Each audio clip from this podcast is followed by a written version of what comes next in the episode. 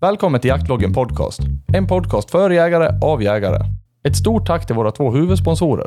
Prima Dog Sverige, superbra hundmat för friska hundar. Tracker hundpejlar, när du vill ha full kontroll över din jakt.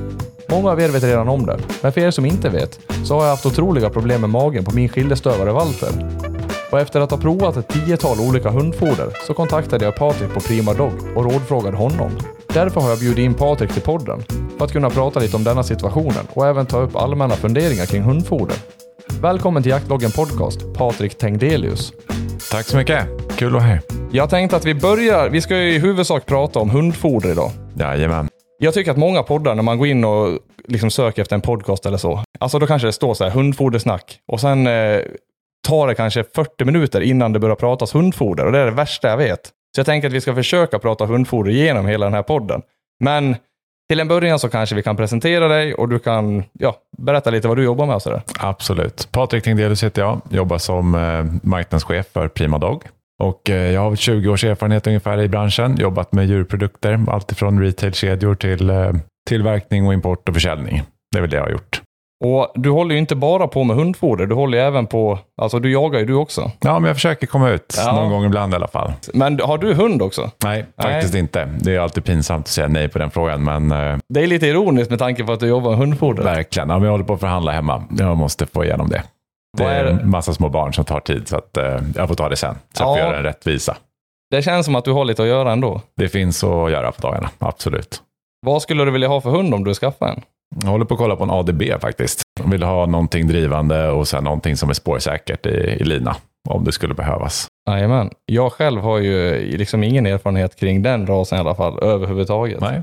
Ja, och jag la ju ut en, jag la ut en fråga här tidigare på, på Instagram om det var några speciella frågor som folk ville att jag skulle ta upp. Och det bara haglade ju in frågor framförallt kring det här med färskfodret och eh, alltså skillnaderna mellan färskfoder, blötfoder och torrfoder och vad fördelen är. Och nu behöver du inte svara på allting samtidigt, men vi kan ju börja med någonting som jag själv har ju varit ganska intresserad av. Vad är skillnaden mellan ett blötfoder och ett färskfoder? Mm, egentligen färskfoder i sin rätta mening, det är helt oprocessad köttmassa egentligen. Som du inte bearbetar på något sätt. Och det är sånt som du måste förvara i frys. Fördelen med ett våtfoder är att man kan antingen konservera. Och det är kanske inte så kul att ha konserveringsmedel. I vårt fall till exempel så kör vi produkterna igenom en ångklav så att det ångkonserveras. Så att du kan förvara då ett våtfoder som det blir. Det är upphettat i form då av ånga. Men det gör också att du kan förvara produkterna i rumstemperatur. Så att du får ett foder som är helt köttbaserat. Med då lite tillskott, i vårt fall av ris för att binda ihop massan. Vitaminer och mineraler så att det ändå blir ett helfoder. Så att man inte behöver tänka och labba själv liksom och stå med lilla kemilådan. Ja. Och dosera vitaminer och mineraler. För det där är skitsvårt ärligt talat. Ja, eh, och jag vart ju själv så jäkla förvånad. Jag kommer ihåg jag var på en mässa. Jag tror att den här mässan ägde rum i, undrar om det var på Elmia i Jönköping eller om det var i Norge. Och då såg jag att det låg sådana här färskfoderkorvar helt eh, liksom, och jag tror det stod någon skylt där att behöver ej förvaras i fryst. Någonting sånt. Eh, och jag vart ju där bara, vad fasen är det här? Det där ser helt sjukt ut. Det här måste ju behärskat efter den här helgen. Den där black magic. Ja, precis. Men då var ju det våtfoder. Ja, exakt. Så att skillnaden är egentligen bara terminologi. Utan färskfoder är helt obearbetat, våtfoder bearbetat. Ja. Förenklat. Och, och sen en liten tillsats av ris på bindare då. egentligen. Ja, i vårt fall så är det det. Ja. Sen så behöver inte alla göra precis likadant, men det finns ju olika sätt att skapa ett recept, precis som på torrfoder. ja precis. Det går att blanda i vad som helst egentligen.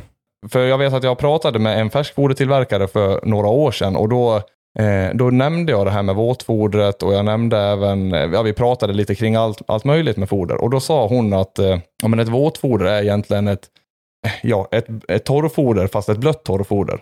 Så kan man väl egentligen säga. Alltså torrfoder, om man ska jämföra torrfoder och våtfoder så kommer man ganska fort fram till att det är rätt svårt som konsument. Och titta på innehållsdeklarationerna och försöka bilda sig en röd tråd när man jämför dem. Framförallt om man tittar på proteinhalt och fetthalt så ser det helt snett ut när man Mm. jämför.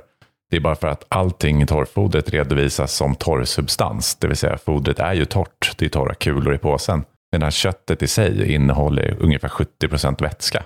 Oavsett köttsort. Om du tar en vanlig kycklingfilé som du slänger in i ugnen. Väger den innan du skickar in den och så väger du när den kommer ut ur ugnen. Då har den ju vätskat ur sig Mm. och väger mycket mindre. Ja. Och det är precis det som händer när man tillverkar torrfoder också. In i maskinen i början på processen går det riktigt kött. Och ut kommer en torr kula. Och där längs resan, liksom under processen, så har man vätskat ur köttmassan.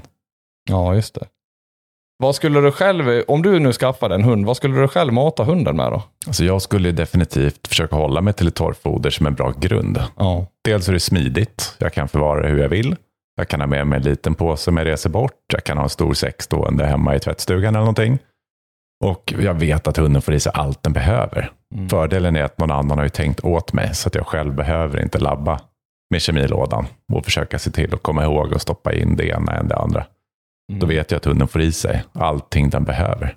Men även eh, det våtfodret är också ett helfoder egentligen, så, så det skulle du kunna köra på 100%. Absolut, absolut. Sen blir det, det beror lite på hur stor hund man har. Har man en pytteliten hund, då spelar inte kostnad speciellt mycket roll. Nej. Du skulle kunna mata den med bara oxfilé, för det blir så liten volym.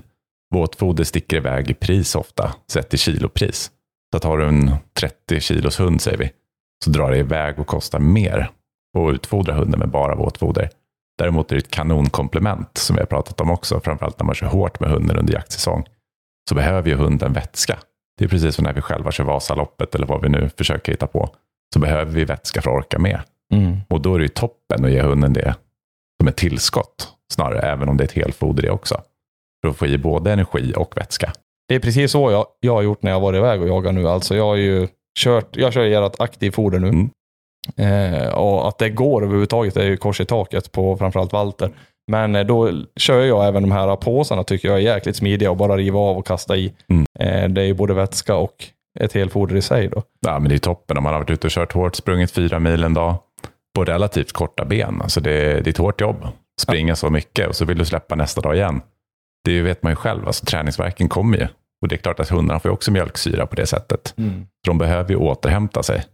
Det här är ett sätt att förkorta återhämtningsperioden kan man säga. Ja, precis. Och vi, där kommer vi in, vi pratar lite grann om det här med vätska och eh, det är ju någonting som jag själv har faktiskt analyserat nu på slutet väldigt hårt, det här med att eh, vätska på hundarna hårt innan, ja, innan nästa dags jakt om man säger. Alltså om man har jagat en hel dag och sen eh, vätska på dem riktigt på eftermiddagen, kvällen för att kunna jaga riktigt dagen efter. Ja, exakt. Eh, alltså otroligt vilken skillnad det har blivit. Och för många där ute som tänker att fasen vad dåligt min hund går nu efter, ja men när man har släppt den en dag och sen ska man släppa dagen efter, han vill inte göra någonting. Mm. Och den, alltså för min del i alla fall, så otroligt vilken skillnad. Och när man vätskar på dem rejält, och då pratar vi alltså ett par, tre liter. Mm. Och det får du inte i dem i en portion. Utan Nej. det är som du säger, du måste ju börja direkt efter avslutad jakt. Fortsätta under eftermiddag kväll och även morgonen innan jakten. Ja, det beror- beror det tar lite- tid liksom. Ja, men det gör det. Det beror lite på hur glupska hundar man har. Ja, absolut. Just det här med flera liter på en gång, det kan vara kämpigt att få i sig. Ja, det kan ju det. Jag vet att som jag fyllde en skål med, med mat och sen eh, vatten på det. Jag vet inte, det blir inte jättemycket. Då ska man ha ganska stora skålar. Och sen så slängde jag i typ tre, fyra kulor och eh, två liter vatten och det bara puff så var det borta också. Ja, men det är skönt. Men då är jag ganska hungrig, eller ja, i alla fall glupska hundar då. Ja, ja, men det kan ju vara ett bra sätt också om man då vill få i dem ännu mer vätska. Det är att hälla i våtfoder till exempel. Mm. Blanda ut det så att det blir som en soppa eller buljong. Eller, det är ett bra sätt att lura hunden att alltihopa smakar ju supergott. Jag Ja. måste få i mig alla två liter. Så det är ett bra sätt att finta dem.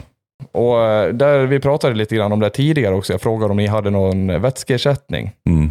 Och det har ni inte, men du sa att eh, ni, du ska kolla på om det går, går att få till helt enkelt. Mm, absolut, men som sagt tills vidare så eh, vanligt vatten och våtfoder i kombination så får man i princip samma sak. Ja, ja men precis. Det är väl de här extrema salterna och så vidare. Det följer ju inte med då, som, som Nej. finns i. Tycker du att det finns några speciella nackdelar med färskfoder? Alltså rent färskfoder till hundarna? Absolut inte. Om man har möjlighet att ge bara det så är det ju toppen. Det är ju jättebra. Jag menar, det är köttrik kost och det är det hunden egentligen i grunden är designad för att få i sig. Det är väldigt hög smältbarhet på kött och hunden kan utvinna energi utan att det rinner ut sågspån i bakändan. Så att eh, toppen om man har möjlighet. Men just för alla som jagar och ofta reser mycket. Åker man upp en älgjaktsvecka i Norrland eller upp och jagar ripa i fjällen och så vidare. Har man liksom inte logistisk möjlighet att ha med sig frysfoder som håller under en vecka. Nej, då blir det härsket. Ja, det blir inte så kul då. Jag har faktiskt sett några sådana hinkar där det ligger liksom gammalt kött i och det varken luktar eller ser trevligt ut. Det är bara att tänka så skulle jag själv vilja äta det här. Om svaret är nej så vill nog inte hunden heller det egentligen.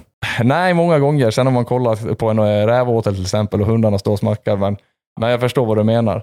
Som vi pratade om det här med färskfoder nu då. Att jag har fått lite frågor också om det här att vissa, om man pratar veterinärer nu, så vissa veterinärer säger att eh, ja, färskfoder är det absolut bästa att ge hundarna för det är 100% kött och det är där de är i grunden som du säger, att det är där de ska äta. Eh, samtidigt så säger vissa veterinärer att de behöver få i sig spannmålsdelen också. Ja, jag, vet, jag har ingen aning. Behöver de det eller inte? Alltså, foderdjungeln är verkligen en djungel. Det finns tusen olika religioner där också, precis som ja, men ska ha en blaser, när du ska ha en märkel, när du ska ha en ticka. Vad är bäst egentligen? Mm. Men alla säger pang och gör jobbet. Mm. Så det är bara en fråga om vad man själv tror på. Mm. Och sen så försöka hålla sig till den linjen som man hittar, som funkar för mig och min hund. Sen om det är torrt eller vått eller färskt eller vad det nu kan vara. Det är egentligen upp till var och en mm. och hitta någonting som man tycker funkar bra. För man ser väldigt mycket nu, eh, alltså senaste åren, att det här med det spannmålsfria fodret, eh, det har ju verkligen liksom exploderat. Alla ska ha spannmålsfritt foder. Mm. Och jag vet att vi pratade ju om det här också, känsliga magar. Jag har ju en hund själv som har otroligt känslig mage. Vi ska berätta hur vi eh, ens kom i kontakt från första början. Och det började ju egentligen med att jag hade provat massa olika foder. Fick ingen ordning, alltså Walters avföring, det var ju alltså som grönsakssoppa. Och det såg ut som pizzor i hundgården varje dag. Så det var ju ganska otrevligt och det luktade liksom magsjuka i halva byn här. Eh, plus att han var ganska orkeslös. Jag skrev ett mail till er då och bara ja, frågade om ni hade några tips på vad man kunde ge hunden för mat. För att kunna få, få till magen på ett bra sätt. Och då ringde du upp mig och sa att ja, jag tycker du ska prova det här lamm och potatis. Och jag tänkte direkt att ja, ja men det låter bra. Så här. Sen, eh, jag är lite så här, jag vill gärna göra research på saker, så jag googlade och höll på att krångla. Och kom ju ganska snabbt in på att potatis är ju inte det bästa för hundar. Alltså om de äter råpotatis för stärkelser och annat. Helt riktigt. Men så tänkte jag där också att du borde ha koll på det här och anta att du inte kommer skicka liksom cyanidsäckar. Nej, det vore ju ganska kontraproduktivt att ha ihjäl kunderna. ja, jag menar det. Hur som helst så provade jag det här fodret och det tog alltså från att haft det här i kanske ett och ett halvt, två år på Walter, den här bisarra magproblemet, så tog det kanske en till fem dagar, jag kommer inte ihåg exakt, men sen var ju han nästan hård i magen. Mm, jag tror vi hördes knappt en vecka senare där och så ringde du och sa fan vad var det i påsen? Ja. Det funkar kanon. Ja, det var helt sjukt alltså. Och nu är ju det här, just det lamm och potatisfodret är ju inget högenergifoder så. Nej, det är inget extremt åt något håll. Det är ganska standard eller vad man ska säga. Ja, precis. Eh, så att eh, ja, han behöver egentligen mer energi än så. Eh, om, han, om jag ska jaga hårt med honom. Men hur som helst så vart ju magen otroligt bra. Och jag, det där pratade vi lite om idag också. Alltså vad är det som gör att det är att det funkar. Att det liksom, vad är det som gör att han har total katastrof i magen till att man ger ett foder när man har provat så otroligt många andra. Och så är egentligen den eh, stora skillnaden man ser är att det är potatis i det här fodret.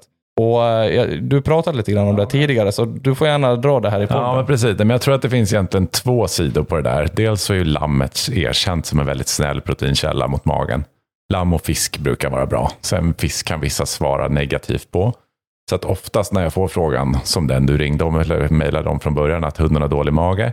Då brukar lamm ofta vara säkra kortet att gå till. Då vet man med 99 procent säkerhet att lammet kommer funka ganska bra.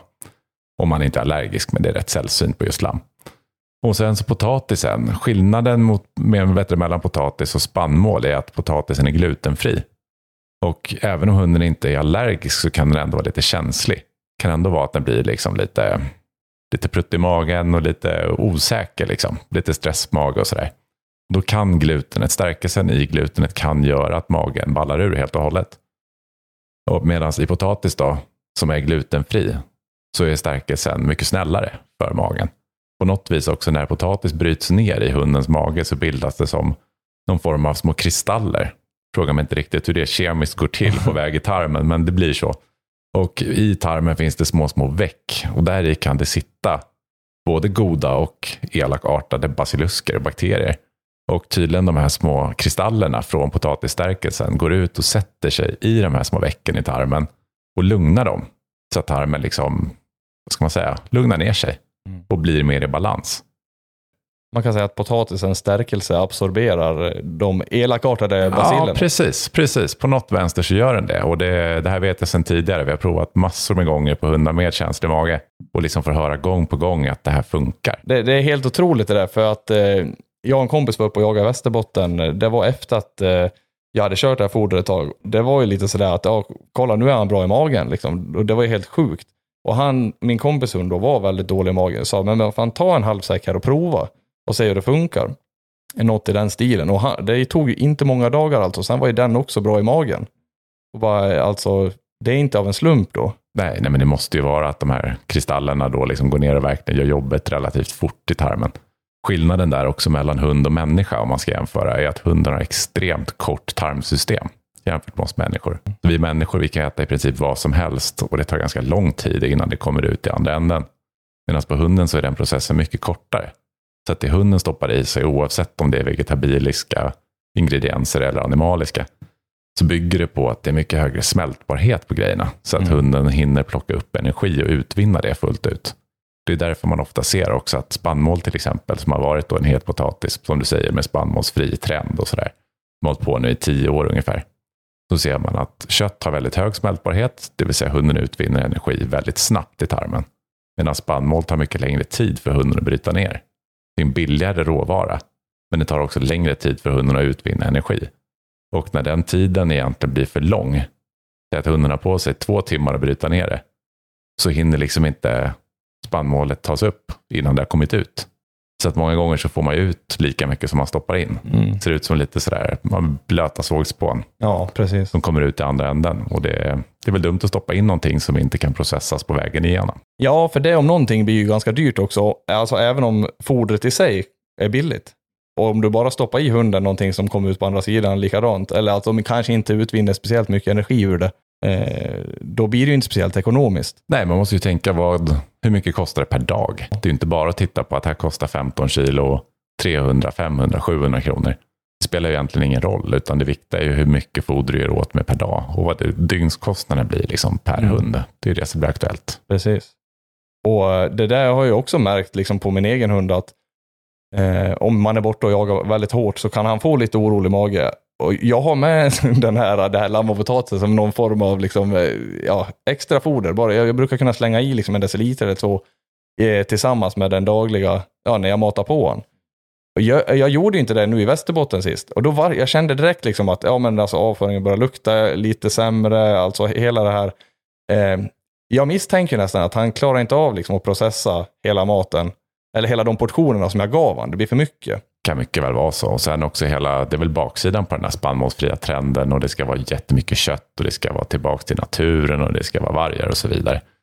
Nackdelen med det är ju att många hundmågar klarar inte av den här extremt höga proteinhalten heller. Mm. Det blir för mycket kött. Ja. Så det blir inte riktigt bra heller, utan ibland behöver man spä ut det med någon form av snällare kolhydratkälla som ja. hunden faktiskt kan bli lite mer liksom man säga, inte light, men det blir lättare för magen att processa. Mm.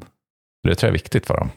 Ja, det, det kan nog vara ihop med väldigt, väldigt mycket vätska. Ja, men exakt. Och där gäller det att lära känna sin individ. Det ja. går inte att säga att det ena funkar för alla hundar i hela världen, för det kommer inte vara fallet. Precis Nej. som för oss människor. Nej, jag pratade med en kompis om det där just, eh, faktiskt, just det här ämnet idag. Och, eh, jag sa det, att det är så jäkla ro, eller det är så jäkla intressant att se Alltså för varje liksom, vecka, månad, år som man jagar med sina hundar så man, man lär sig så jävla mycket nytt varje gång om sin egen individ. Att de är så jäkla stor skillnad på det. Men Eskil, han är som en soptunna. Jag kan kasta åt honom disktrasor, vilken mat som helst, han bara slukar det med hull och hår. Mm. Det gör ju Walter med, men han, då blir han sjuk då på får det effekter också. Ja visst, och det får inte på han, för han liksom, det är helt obrydd. Men det är väl som vi människor, vissa har ju plåtmage.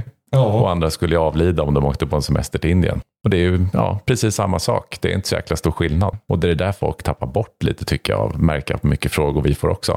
Att det här med helt vanligt bondförnuft.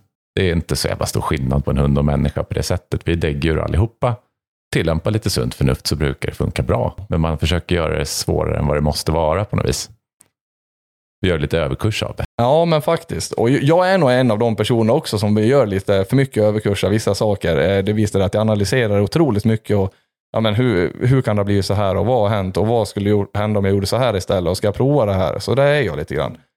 Eh, men eh, samtidigt tycker jag det är jäkligt intressant att se vad som händer beroende på hur jag agerar i olika situationer. Absolut. Och någonting mer också som, som, som jag kom kom i diskussion om när jag var på den här resan, det är att eh, en kompis har ett kullsyskon till, ja nu Eskil. Eh, jag, har ju, jag släpper ju han ganska mycket också, så att han får ju springa sina mil i veckan. Och då, då sa jag till honom att fan vad fet han är, din valp. Jag, jag tänker inte nämna några namn nu. Och han var inte jättefet så, utan men han är större än min hund i alla fall. Ja, men precis. Och då sa han så här, ja, men jag ger han bara eh, den här mängden mat om dagen. Och jag sa, ja, jag ger då dubbelt så mycket till, till Eskil. Liksom. Ja, men då ger ju du ett jävla skitfoder i så fall, sa han. Men det handlar ju liksom inte om det, utan det handlar om hur mycket, alltså jag har ju den, jag har ju den förmånen att kunna jobba så att jag kan släppa varje dag, åtminstone varannan vecka. Och då blir, springer han då en, två, tre mil om, per gång.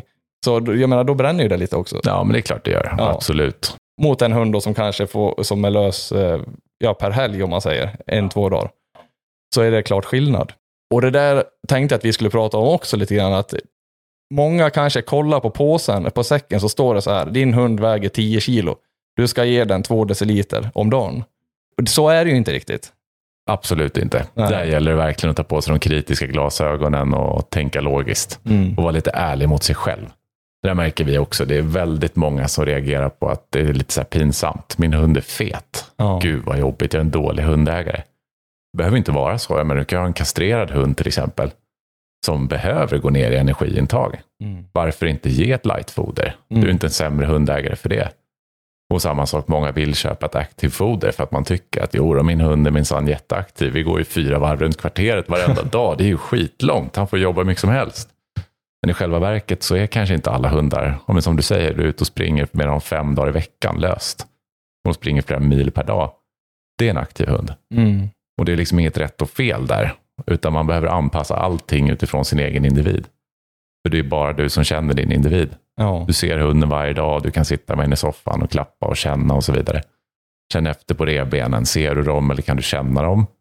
Börjar höftbenen sticka ut, ja, men mata på hunden, den behöver mer. Och vice versa. Om hunden börjar se ut som ett ölfat i kroppen, då är det nog dags att Ge tänka mindre lite. mat. Ge mindre mat eller Ja. spring mer. Precis igen då, precis som vi människor. Eller om jag själv börjar bli lite fluffig runt magen. Det Ja. finns ju bara en lösning. Ja, Ät mindre, rör på dig mer. det är ju faktiskt så. Alltså, stoppar man i sig mer energi än vad man gör av med så blir man ju fet.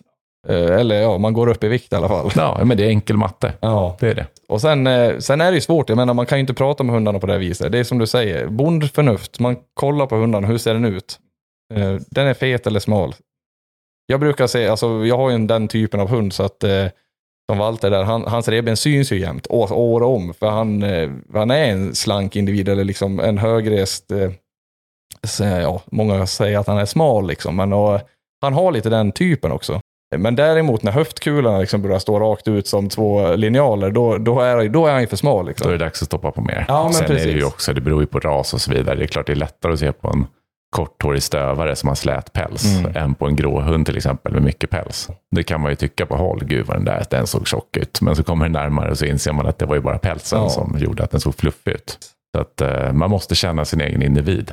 Där kan ju vi som tillverkare till exempel, vi måste ju skriva någonting på påsen som vi då har som någon form av vägledande rekommendation vad gäller volym. Men det är svårt att skriva fast sig att det här kommer funka för just din hund bara för att den råkar väga 15 kilo. Mm, Det går liksom inte utan eh, det blir någon form av mittemellanväg som kan anses som en rekommendation. Men lita aldrig slaviskt på det oavsett tillverkare. För jag har, det är lite roligt, för jag har även en till kompis som har ett kullsyskon i samma, samma kull här. Och eh, det var ju som han sa, jag menar, alltså hon är ju väldigt liten också. Jag menar, han kan, ju- kan ju ge henne lika lite mat som en terrier liksom, om de inte släpper. Ja, nu väger hon 10 kilo liksom. Men alltså, hon är ju så pass lugn och hon är en otroligt lugn hund, precis som mamman till den här kullen. Ligger de bara och sover hela dagarna, då, då gör de inte av med någon energi alls. Det är precis som våfflan. Jag menar, hon, hon blir ju fet vad jag, i princip vad jag än ger henne. Och skulle jag ge, jag provade ju att ge henne det här aktivfodret som jag kör nu i början. Och då ringde jag till det och sa, nej det här funkar inte. Sen kommer hon inte ner i grytan längre. Nej, liksom, det, det finns ju liksom inte eh, på världskartan. Hon gör ju inte av med den energin, i synnerhet inte under icke-jaktsäsong. Nej, nej men det är skillnad där också om du jämför en stövare och en terrier till exempel. Stövarens period i arbete är ju mycket längre. Så att den driver i två mil och sen så grytar räven. Och då kommer våfflan in och ska liksom få ut räven ur grytet. Det är klart hon jobbar kortsiktigt och intensivt där och då. Men det är inte så mycket jobb egentligen fysiskt. Nej, det är mer att det kan ta psykiskt och absolut så kan det bränna också, men det går inte att jämföra med, med det här andra såklart. Så därför, jag kör ju ett annat foder till henne. Och det är framförallt fettet. Det är ur fett framförallt som hundar utvinner energi. Och det är energin då som gör att man lägger på sig. eller håller sig i form. Jag vet ju att eh, så innan så har jag bara köpt det absolut billigaste jag bara kommer åt till henne. Och eh, alltså det är som du säger, hon, det, om jag ger henne en deciliter mat så då skiter hon en deciliter. Alltså det, det förstår du, det blir samma, samma in som ut.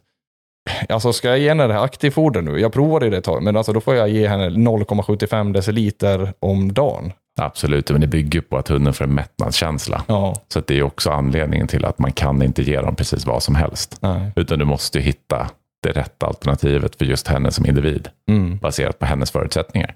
Så det är ju helt rätt. Då får man ju gå ner och ta någonting som är lite mer fettsnålt. Där hon ändå kan få i sig tillräckligt mycket för att fylla magen och få henne att känna sig mätt. Då blir hon ju liksom balanserad och lugn också. Ja, absolut. Får du höra ofta att, av folk som kör färskfoder till exempel, att eh, jag vet många som kör färskfoder själv nämligen, och att de kanske ger en viss del, men hunden, alltså att de inte får den här mättnadskänslan, det är den tanken jag har, att man ger färskfoder, det är energirikt, men hunden inte får den riktiga mättnadskänslan. Ingenting sådär generellt som jag brukar höra om. Nej. Det är det faktiskt inte. Jag själv har hört det några gånger, och jag vet inte riktigt, eh, det är det jag har varit lite rädd för med att köra bara färskfoder och ja, i och för sig så skulle jag aldrig i mitt liv ha ett par frysar hemma med bara foder och åka runt med härsket kött. Det skulle jag inte göra. Det, nej, jag... Nej, men det blir en kluddig logistik. Du menar, så mycket frysutrymme kan man inte ha hemma Nej, generellt.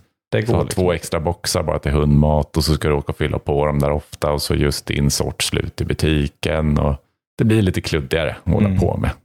Ja, det blir det. Har man stort frysutrymme och kylboxar så absolut. Jag har ju någon kompis som kör färskfoder liksom och det funkar ju superbra. Och många använder ju det framförallt när man är iväg och jagar hårt. Jo, nej, men det är jättebra. Som Ja. sagt, det är mm, definitivt superbra alternativ om man har möjlighet.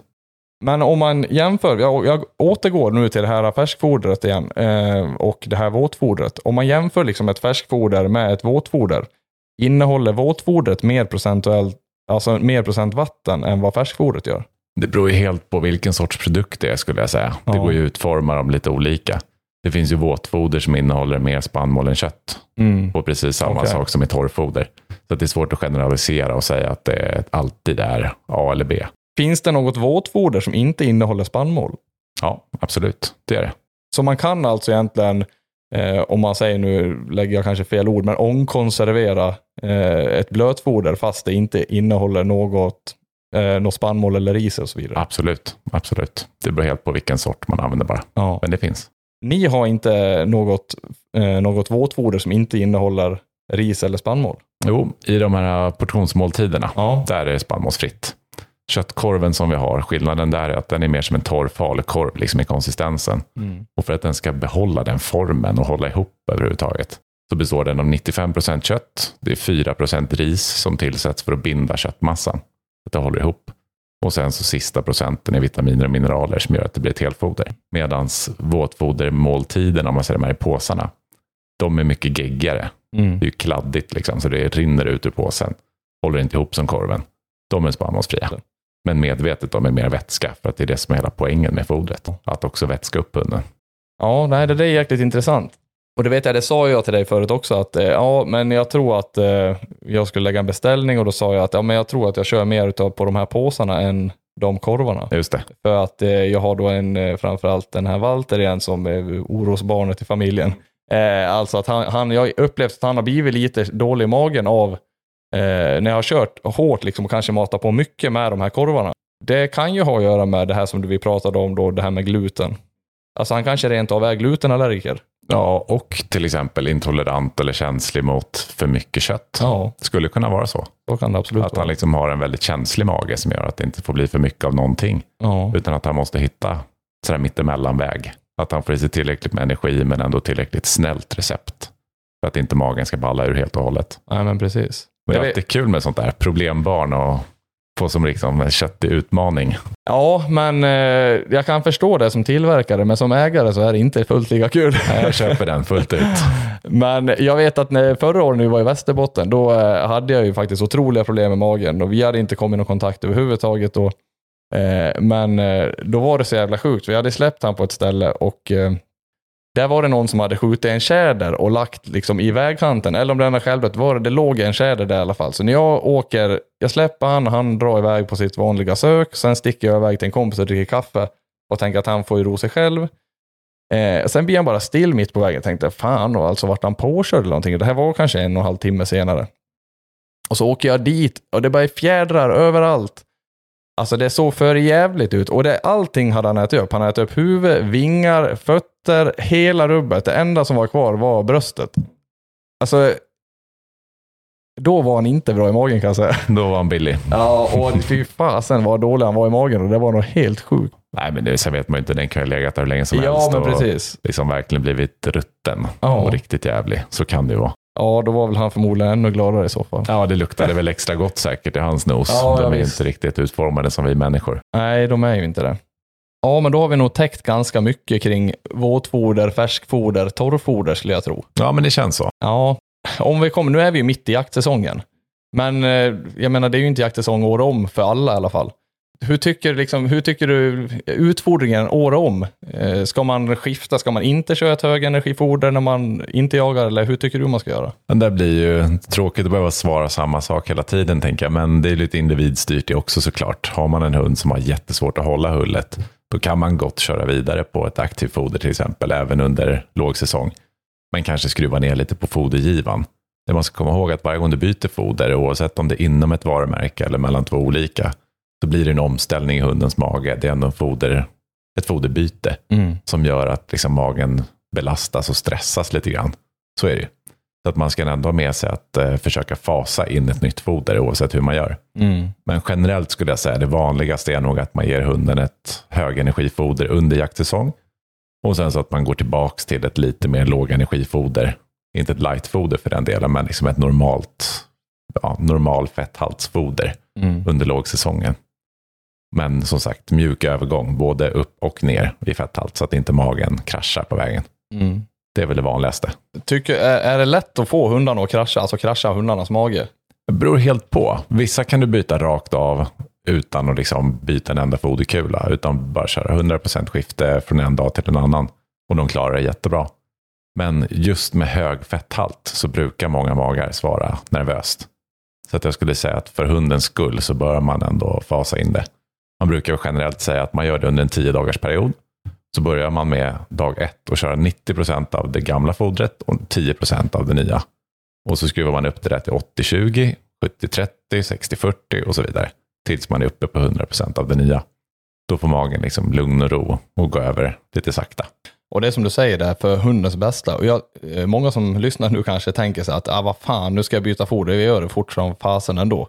Den kommer klara, den blir lite dålig i magen. Men alltså det där är faktiskt för ens eget bästa också, för har man en hund som blir jäkligt risig i magen och, in, och liksom nästan till magsjuk, den kommer inte kunna prestera och då är det dig själv det handlar om. Så du kan ju lika gärna göra det för din egen skull också. Exakt, ja, men alltså igen, jämför med dig själv. Det är Ja. inte så jävla kul att vara magsjuk. Nej, fy fan. Det är inte det. Nej. Så att, du tappar ju tid på säsongen om Ja. man ska vara sån. Så att, eh, var schysst mot hunden, gör det lugnt och fint. Och det är ju samma sak där med hur man väljer foderkvalitet. Jag hör ofta att sådär, nej men det där är för dyrt.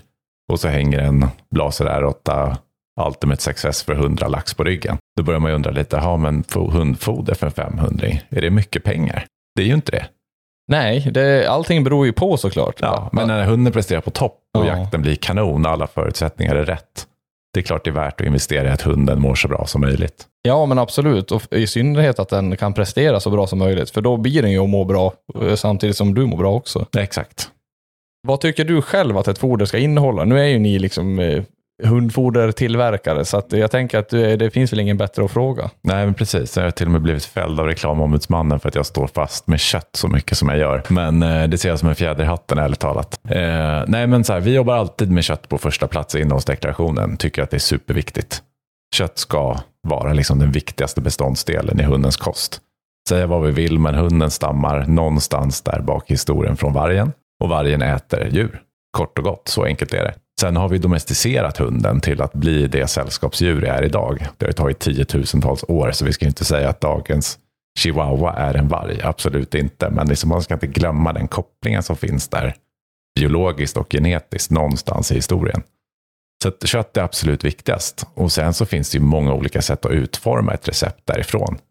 För att komma fram till en kommersiell produkt som ändå är kostnadseffektiv för slutanvändaren. Som sagt, alla klarar inte att bara äta kött, för då kraschar magen. Många klarar inte att äta bara spannmål, för då kraschar magen. Det bästa är nog att hitta någon form av gyllene medelväg där. Och det man heller inte ska vara så rädd för tycker jag, det är att växla proteinkälla. Byter man inom ett fodervarumärke med olika produkter som har snarlik uppbyggnad, bara att du ena dagen ger kyckling, nästa dag ger du lamm, tredje dagen ger du lax till exempel. Om recepten är relativt lika varandra så är inte omställningen speciellt stor i hundens mage heller. Men däremot så kan du motverka att det uppstår allergi. Det är inte så konstigt som att fylla på en hink med vatten med en droppande kran. Första dagen kommer inte hända någonting, inte sjunde, inte fjortonde dagen heller. Men till slut så kommer den där droppen som får hinken att rinna över. Stoppar vi bara i hunden kyckling eller bara fisk under hela livslängden, varje dag, hela tiden. Det är precis som att vi själva skulle äta spagetti och köttfärssås till lunch och middag Mm, ja, resten precis. av våra liv, varenda, varje eviga dag. Inte nog med att det blir jäkligt tråkigt, så tror jag också att vi får något skörbjugg till slut. Ja, precis. Ja, absolut. Nej, men varierad kost, eh, för, oss eh, i alla fall, är det ju. Och vi har inte tänkt sådär. Jag har, jag har ju mer tänkt sådär att eh, nej, men det där, vi ska in, absolut inte ändra från liksom, ja, men lax till kyckling till ditten och datten. Men det kanske inte är något dumt att göra det. Alltså, man kanske inte ska byta liksom, mellan olika foder där det ena innehåller 80% kött och det andra innehåller 80% spannmål. Då tror jag att omställningen kan bli lite tuff. Mm. Däremot om man gör det med ganska snarlika produkter så tror jag inte omställningen är speciellt jobbig för hundens mage Nej, på så precis. sätt. Så länge inte hunden är allergisk mot någonting från början såklart. Nej, Då exakt. ska man ju inte mot liksom, utmana ödet. Ja, men där kom vi ju liksom in på att det innehåller mycket kött. Eh, om man tänker till exempel, det räven är också ett hunddjur, eh, och i synnerhet vargen också då. Men eh, det man ser på många rovdjur i, eh, alltså när man kollar avföring, som man många gånger ser efter vägar och så här, det är att det finns ju väldigt mycket bär, alltså säsongsbetonat, alltså finns det ju mycket både lingon, blåbär, eh, väldigt mycket av de här källorna i avföringen. Eh, är det någonting som, som liksom man blandar in och även har det ihop med, med fodertillverkningen? Absolut. Vi kör det ganska mycket nordiska bär. Det är både lingon och det är havtorn och det är allt möjligt, dill och så vidare. Som används som vitamin och mineralkällor. Okej. Sen går ju det såklart att tillföra på rent kemisk väg också. Men det är klart att det är trevligare att kunna använda någonting som är lite mer normalt ansett, eller vad man ska säga. Undvika massa artificiella ingredienser om man inte måste. Och det kanske är en sån grej, precis som en gravid kvinna kan skrika efter saltgurka för att hon har någon craving efter det. Så är det nog kroppen som på något vis säger till att jag är sugen på salt. Ja. Och nu blev jag sugen på saltgurka. Kanske samma sak med räven, att nu är jag sugen på C-vitamin och så går de och äter blåbär. Ja, men eh, så är det ju. Så är det väl absolut känns det som. Jag menar, så, eh, alltså våra svenska djur går väl inte okynnesäter i onödan. Eh, Det känns ju inte så. nej, de, drar, de ger ju bara av med onödig energi. Eh, så att absolut så är det väl så. Jag menar, och där har vi ju svårt att, att och liksom, en hund har ju svårt att göra det, för den står ju inomhus eller i en hundgård eller i ett koppel och sen får den en skål nedsatt. Ja, precis. så den kan inte riktigt gå och äta där den behöver. Är, man kan se ibland är att de äter gräs. Ja, men precis. Och det är ju också ett sätt att säga till att någonting måste komma upp. Då Ja. kanske att man har fått i sig någonting som känns tokigt. Så det är kroppens eget sätt att liksom säga till att nu måste det här ut. Då är det alltså kött och bär egentligen. Som, som, alltså som bären som mineral och vitaminkälla. Precis. Och sen så jobbar vi med lite snällare då, kolhydratkällor som vi var inne på tidigare med potatisen. Att potatis är snällare generellt sett än om man tittar liksom övergripande på det så är traditionella spannmål, de innehåller gluten. Det kan framkalla allergier och reaktioner på något vis. Titta på Walter. Ris till exempel är ju ansett som lite snällare kolhydratkälla, men är väldigt sockerrikt. Det gör ju också att ett foder blir mycket mer smakligt generellt. Det kan ju vara ett sätt att liksom förklä att man inte har så mycket kött i Mm. och tillsätta mycket socker eller salt. Precis som vi själva, man kan ju krydda upp en ganska äcklig maträtt Ja, med mycket socker och salt. ja. Så blir det ändå smakligt. Och det är samma i hundmaten. Så man ska nog tänka sig för lite vad man använder. Sen finns det ju många andra. Det har ju också kommit med den här uh, grain-free-trenden som har pågått nu i typ tio år. Att tillsätta sötpotatis och det är morötter och det är pumpa och ärtor och äpplen och så vidare. Så det finns ju, det händer mycket på fronten också. Mm. Det är inte riktigt vad hundfoder var för hundra år sedan. Men det är precis som du var inne på, jag menar, det vi ska bära med oss det är att det är vi själva. Hunden är 100% beroende av oss. Det är ju det vi sätter ner i skålen som är det hunden får äta. Mm. Eh, och sen finns det ju även, jag tänkte, du var inne på en sak som vi ska ta snart, men eh, jag, jag kom bara att tänka på det här, den här eh, mänskliga kosten som eh, ja, gemene hundägare delar ut till sina hundar. De slickar matskål eller sina tallrikar.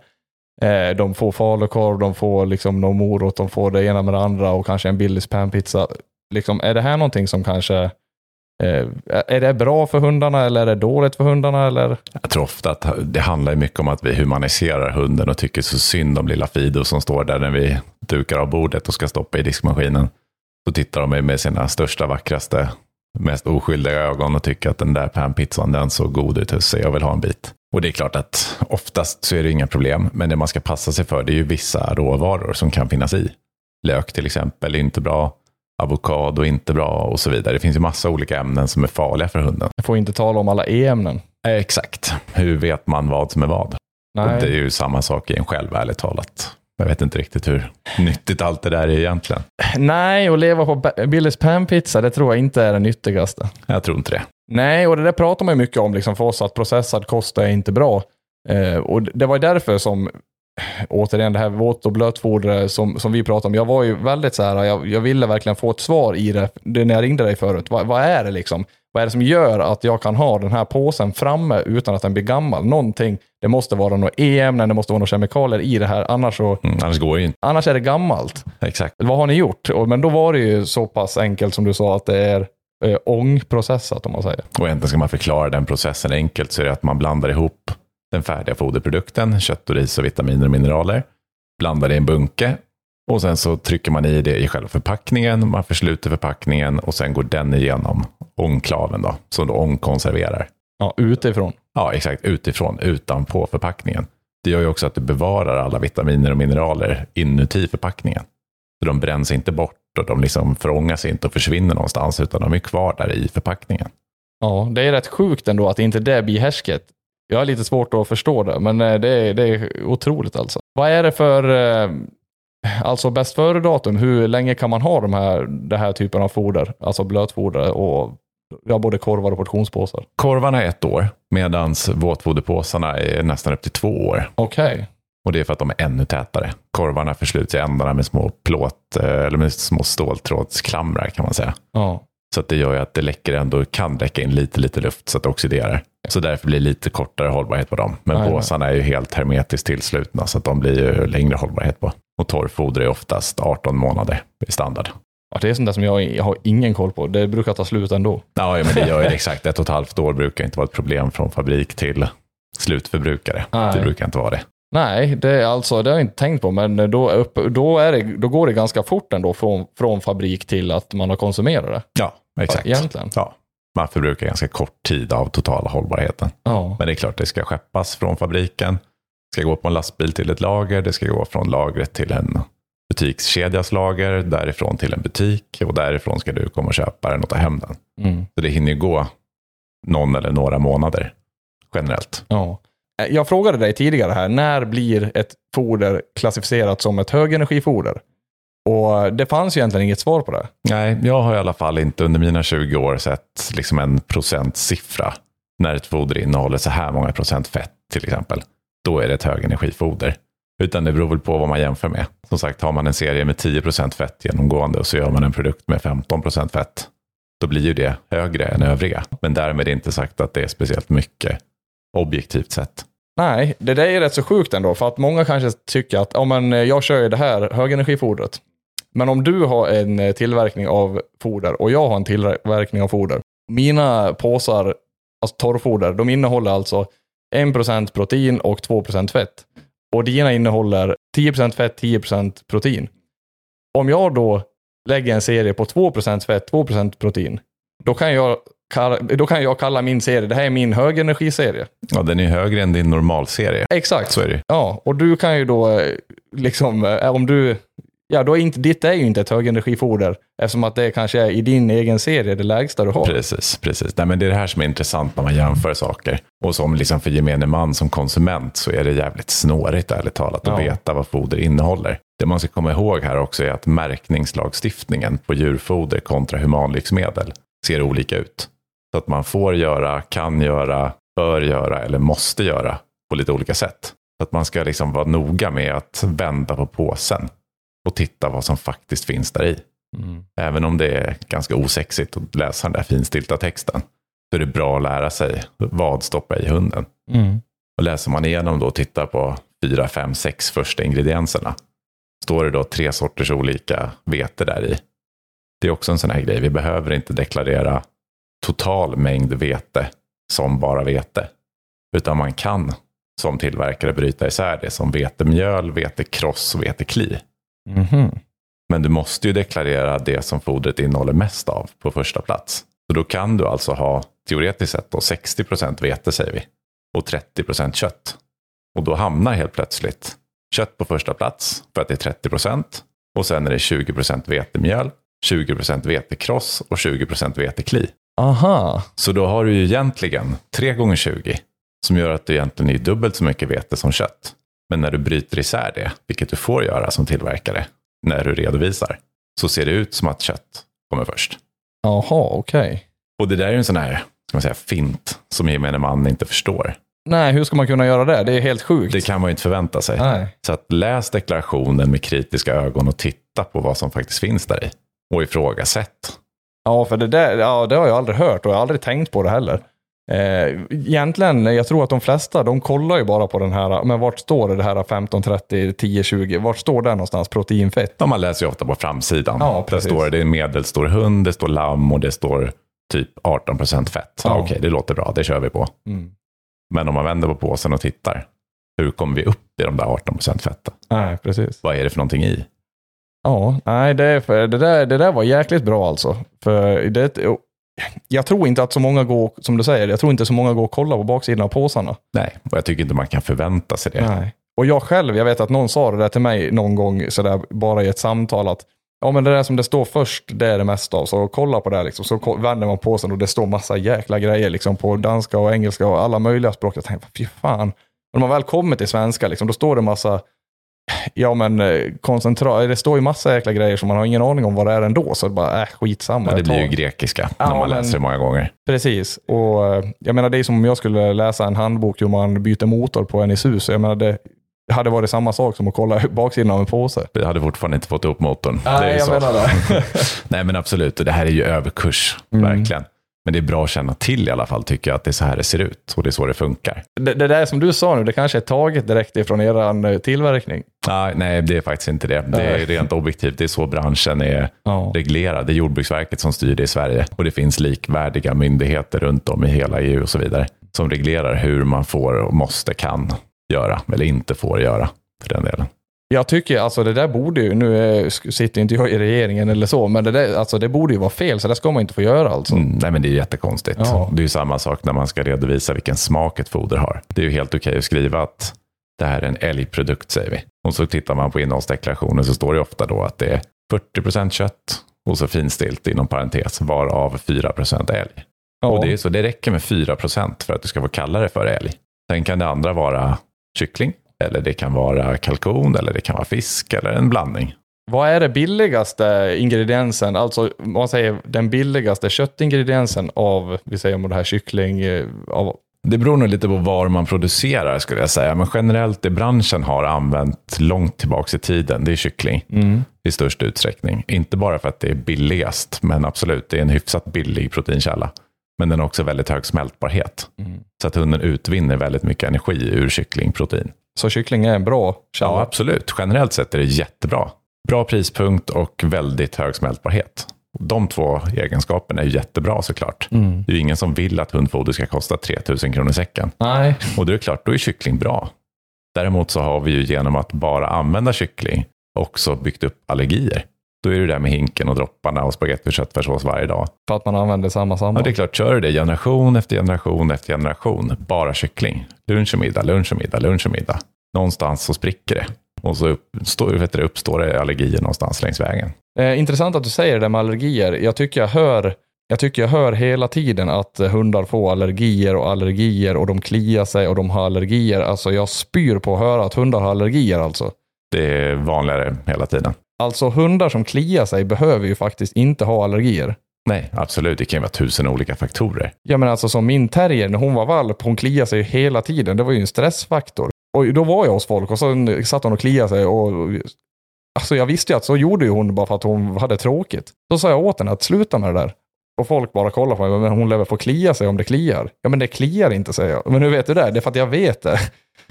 Och jag menar, sen slutar hon ju med det. Efter att jag har sagt åt henne liksom i tid och otid. Och uppenbarligen då så kliar det ju inte. Nej, har man kommit fram till att det inte är foderintolerans eller så.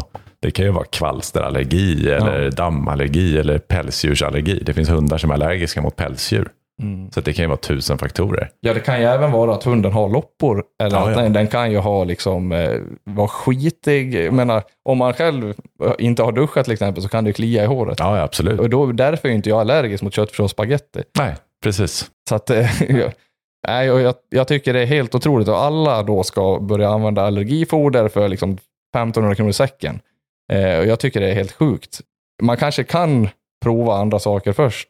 Men absolut, det finns ju hundar som då eh, även är så stressade så de sitter och kliar så mycket att de börjar blöda. Och då är det klart att det vill man ju komma till, till bukt med. Absolut. Och då lär du gå till veterinär som Ja. får ordinera och utreda vad det beror på och komma fram till någon form av plan för att komma ur det. Ja, och då är ju det standard folk får liksom att ja men prova det här fodret från Royal Canin allergifoder. Eh, ja, okej. Jo, nej, sen- men det är ju klart att det är ju kommersiella intressen också. Ja. När man är hos veterinären och den ordinerar en sån produkt så finns ju den faktiskt på hyllan i kliniken. Så det är klart att det finns ett incitament till att vilja sälja produkter. Tycker du själv att det finns någon röd tråd i foder nu eh, av, hos olika fodertillverkare som eh, framkallar allergier? Alltså är det någonting som man har i fodret som, som framkallar allergier mer om man säger? Där är jag faktiskt inte påläst nog för att kunna svara på riktigt. Men eh, tittar man på antal allergifall så är ju kyckling en sån proteinkälla som många är allergiska mot. Och det tror jag som sagt bara beror på att det är fortfarande den vanligaste proteinkällan som används. Så det är inte så konstigt att flest är allergiska mot det. Det är väl lite som att gemene svensk skulle bli allergisk mot falukorv. Jo, för att det är liksom stapelföda Ja. i Sverige. Samma sak som att det skulle kunna vara någon helt annan proteinkälla någon annanstans.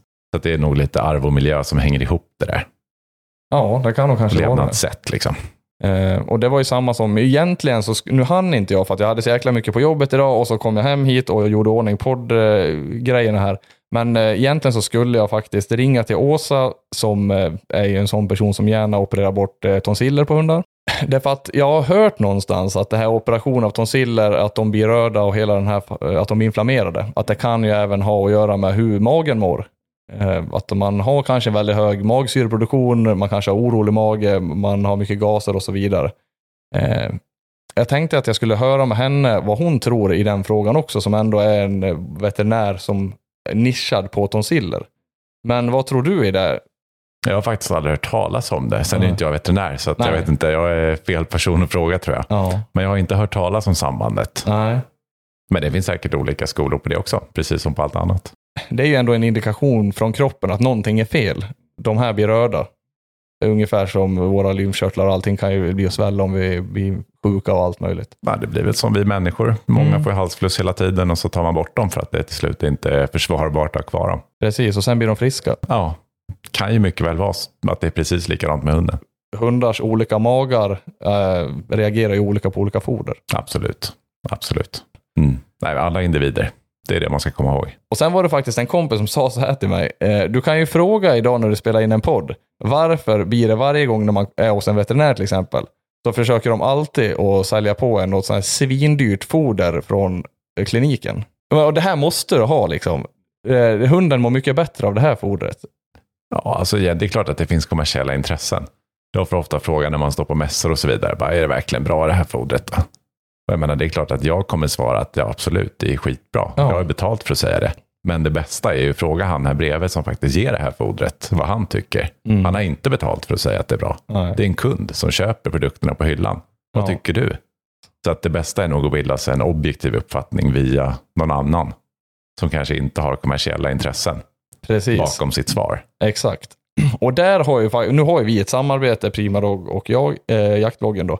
Men jag har ju varit otroligt, eh, vad ska man säga, restriktiv till både samarbeten och eh, jag är inte den som säger att jag tycker saker är bra när jag inte tycker det. Och det kommer jag ihåg jag sa till dig redan från början, att eh, jag kommer säga att det här är, att det inte funkar för mig och att eh, vad jag tycker, oavsett hur det här kommer gå. Eh, det var jag väldigt tydlig med från början. Och sen trodde jag kanske inte heller från början att det skulle funka. Nej, men där var jag, jag var precis likadan. Att jag tycker inte heller att man ska starta upp ett samarbete som Nej. bygger på att man ska låtsas på något sätt. Nej. Utan jag ville gärna skicka en testsändning så du fick prova och se hur funkar det här egentligen? Kommer vi till ordning med Walters dåliga mage till exempel? Hade inte det funkat då hade det inte varit någon idé att göra någonting av det. Nej. Och absolut från början, där jag skickat mejl till dig och frågat, har ni något foder som kommer funka? Mm. Eh, där och då, och i vårt första samtal, där fanns det liksom inte ens en tanke och ett, en diskussion om ett samarbete, utan där var det ju mer att, ja, nu ska vi liksom komma till bukt med den här magen, vad fan ska vi göra, eller vad ska jag göra? De är desperat hundägare med ett stort problem. Ja, men det var ju det, för jag menar, ja, men både han och jag har ju ett ganska stark, en ganska stark jaktlust, alltså vi båda vill jaga väldigt mycket. Och eh, det funkar ju liksom inte om man har en sjuk hund då. Nej, det går inte. Eh, därför hade jag lite panik och jag hade ju, jag har, som sagt, jag hade ju provat, jag vet inte fasen hur många olika foder alltså. Och jag fick ju det här till mig, men prova spannmålsfritt, jag provade det. Men prova eh, lamm och ris, det var ju, Mm. fick man höra mycket. Eh, och jag provade det och då vart ju faktiskt, eh, alltså det vart ju inte sämre. Det vart ju som mjukglass kan man säga, lös mjukglass istället för grönsakssoppa. Eh, otroligt tacksam över att, eh, över att det har liksom, att jag fått till det. Ja, men det är skönt när det äntligen löser sig när man har hållit på att krångla så där lång tid med att hitta en lösning. Ja, fy fan alltså. Och det, det finns lite produkter där ute att prova sig igenom innan Ja. man hittar. Det finns hur mycket som helst alltså. Och jag sa det också, jag menar jag köper, jag, jag kan köpa vilket foder som helst, det kan kosta vad som helst. Bara, alltså, jag kommer liksom bara behöva använda det till han som är den absolut känsligaste hunden. Eh, så det spelar ingen roll om jag får liksom, hade jag, även om vi inte hade haft det här samarbetet så hade jag köpt det här fodret ändå. Och där var det så otroligt, för jag, när jag körde det här lamm och potatisen så vart det ju bra. Och sen sa vi det att jag måste ju prova det här aktivfodret alltså, för annars måste jag dra ner på jakten med han eller ge han jättemycket mat. Eh, och sen provade vi och jag gick en jättelångsam övergång till aktivfodret. Eh, det, på, var det två, tre veckor tror jag. Ja, det var väldigt långsamt. Ja. Men alltså han äter ju det nu. Det Ja. kanske bara var någonting som sagt i tarmen som behöver liksom rensas ut då. Kanske Ja. med hjälp av potatisen eller vad det nu kan vara. Ja, det kan ju gjorde vara att det. det återställdes och blev bra igen. Någonting, som är lite ro, intressant också, det är att ni har ju ganska udda saker i ett foder om man jämför med andra tillverkare. Alltså om man kollar på eh, det här med potatisen, Mm. eh, kollar på ert aktivfoder så är det strömming i det. Eh, och det är ju ingenting som man ser hos andra tillverkare. Nej, Eh, generellt inte. hur kommer det sig att ni har valt de typen av produkter i ert foder? Men det är som sagt, eh, kyckling är ju sånt som alla har använt. Vi har också kycklingfoder för att det är mellanmjölken liksom på hyllan. Det finns där. Lammen fyller sin funktion med magen. Sen har vi lite fiskalternativ. Det finns lax och potatis till exempel. Jättebra generellt mot hundar med känslig hud och päls. Och sen så kom ju då till exempel Active då, var en sån produkt som var efterfrågad. Det hade vi inte tidigare. Den kom för ett och ett halvt år sedan nu tror jag. Och när man skulle ta fram den så tittar man på vilken sorts proteinkälla ska vi använda för att få upp energihalten till den nivå där vi vill hamna. Vi vill inte bara skriva Active på någonting som bara är en sminkad gris. Liksom, utan Som det vi ska pratade vara... om tidigare nu. Ja, exakt, men det ska vara högoktanigt på riktigt. Ska vi göra det ska det vara på riktigt. Så då tittar man ju naturligtvis från produktionshåll då på vilken proteinkälla man bör använda för att uppnå de näringsvärden man vill ha. Och då inser man att fisk är bra för fisk innehåller mycket fett. Så att fiskfett är jättebra till exempel. Anka samma sak, lite fetare än andra fågelsorter. Använder man kyckling eller kalkon till exempel så är de ganska magra. Samma sak med hjortkött som vi har också i andra foderprodukter. Lite mera ja, slimaktiga. Medan både anka och strömming, då, eller sill, beroende på vart i landet man bor, vad man kallar det för, så är det mm, mycket fetare produkter. Mm. Så man kommer upp i rätt fetthalt. Så att det är egentligen, man väljer proteinkälla utifrån målsättning med respektive produkt. Ja, men det är intressant. Det är alltså innehåll som man inte ser i andra foder, så det är lite kul att, att höra. Och att det finns en tanke om det, att det inte bara är det här att, ja men okej, vi ska ha fett nu, vi tar det här billigaste istret som vi hittade. Ja, nej men eller hur. Det är ju inte, inte en hållbar lösning riktigt. Nej, men jag tror också att, eh, jag menar, många räknar ju väldigt mycket på det här, eh, liksom kronorna på exakt varenda sak. Och det måste man väl göra om man ska ha det lönsamt också, och om man ska utveckla ett företag såklart. Ja, men så blir det i slutändan. Ja, Men men, vi får ibland frågan varför inte allting svenskproducerat, jag vill bara ha svenskt kött och så vidare. Absolut, det är klart det skulle gå att tillverka en produkt med bara svenskt kött med ett jättehögt köttinnehåll. Men då skulle produkten kosta 2 500-3 tusen spänn per säck. Mm. Skulle du fortfarande vara benägen att köpa den? svaret är ju nej. Nej, eller hur? Ärliga svaret är ju nej. Ja. Det är samma sak om du går in på en ICA Maxi eller på en stor Coop eller vad det nu kan vara. Om man tittar i kötthyllan så är det ju inte bara svenskt kravkött som finns där, utan det ligger ju brasiliansk oxfilé. Varför gör det det? Alla säger ju hela tiden att jag ska bara ha svenskt. Jag ska bara äta kravmärkt. Men det är lätt att säga det. Exakt, men sen när du står där vid köttdisken och ska välja och inser att aha, fan, kostar 800 spänn kilot. Det är ju mycket pengar. Och vi är ju på fredag nu och vi har årsdag och eh, det är den 20 jag har inte fått lönen. Ja, vi tar den här brasilianska för 200 spänn kilo. Precis, så det är lite hyckleri i det där också. Ja. I den bästa världen så är det klart att det bara skulle vara svensk kravmärkt. Alla djur skulle må toppen och ha det så bra det bara går. Men i slutändan så finns det ju en kommersiell faktor och det blir ju priset i slutändan. Det är ju viktigt, det kan vi inte komma ifrån. Nej, det gör man faktiskt inte. Och jag gillar din, din är- ärlighet där om allmänheten. Och det är faktiskt så. Jag tycker också det är mycket hyckleri om jäkligt mycket saker. Det är inte bara vad det gäller livsmedlet, utan det är allt möjligt. Ja, nej men absolut. Och det är väl lite så här Bror Duktig mentalitet. Det är klart att man vill framstå som bäst hela tiden. Ja, Men Precis. i slutändan så, alternativen finns där. Ja. För den som bara vill ha elbil, ja men köp en Tesla. Det är jättebra. ja. Jag vill inte ha en elbil, säger nästa. Jag vill ha en dieselbil. Ja men köp en L200 pickis. Gör det. Alternativet finns också där. Snart måste alla åka elbil för dieselpriserna är så horribla. Ja, snart sticker väl elpriset istället och skatten ska in ändå. Så Jag skulle tro det. Och sen en till sak som jag, som jag har fått av en, en lyssnare faktiskt. Det här att sprida ut foderintaget. Eh, Jag vet att, viss, jag vet att vissa personer de ger ju en portion om dagen. Alltså de matar bara en portion om dagen. Eh, Och då kanske ger de en liter direkt. Eh, Vissa ger dem tre, fyra gånger om dagen. Vad ser du där? Tycker du att det är dåligt att ge dem en gång om dagen? Tycker du att det är bra att ge dem fyra gånger om dagen? Eller vad, hur tycker du man ska agera? Jag tänker inte döma någon där faktiskt. Eh, Det är lite individstyrt där också för oss som hundägare. Jag vet precis som du säger, vissa ger bara en gång om dagen och det blir ju stor volym. Det är inte alla magar som klarar av att processa så mycket mat på bara ett bräde. Det är därför man ofta ger valpar till exempel mat kanske fyra, fem gånger om dagen till och med. För att ge lite mindre vid varje tillfälle.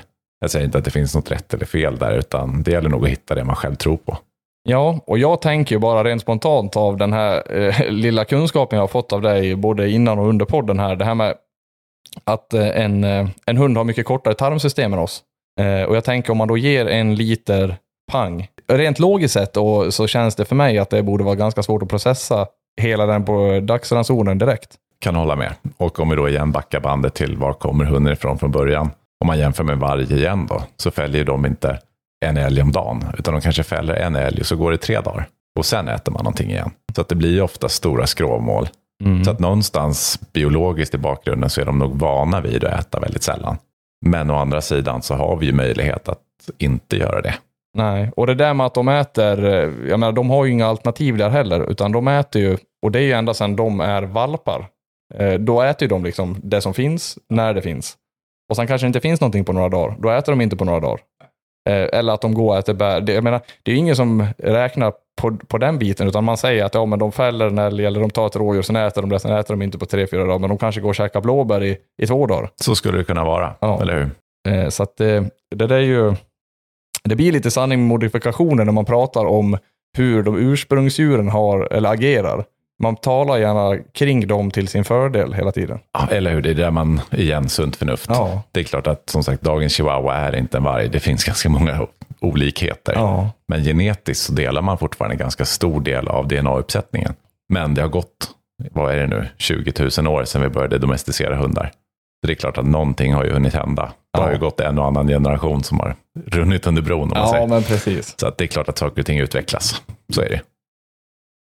Jag tänkte jag skulle fråga dig vad ni har för mål med fodret, men det förstår jag ju att det är ju att ha det bästa fodret såklart. Ja, och då tänker jag, vilken mål, vad är er största målgrupp i dagsläget?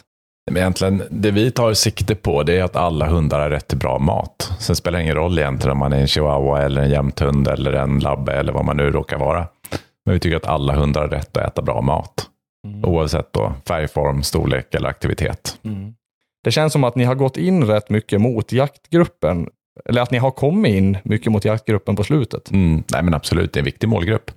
I Sverige finns det väl ungefär en miljon hundar idag. Varav 300 000 ungefär sägs vara av jakthundstyp.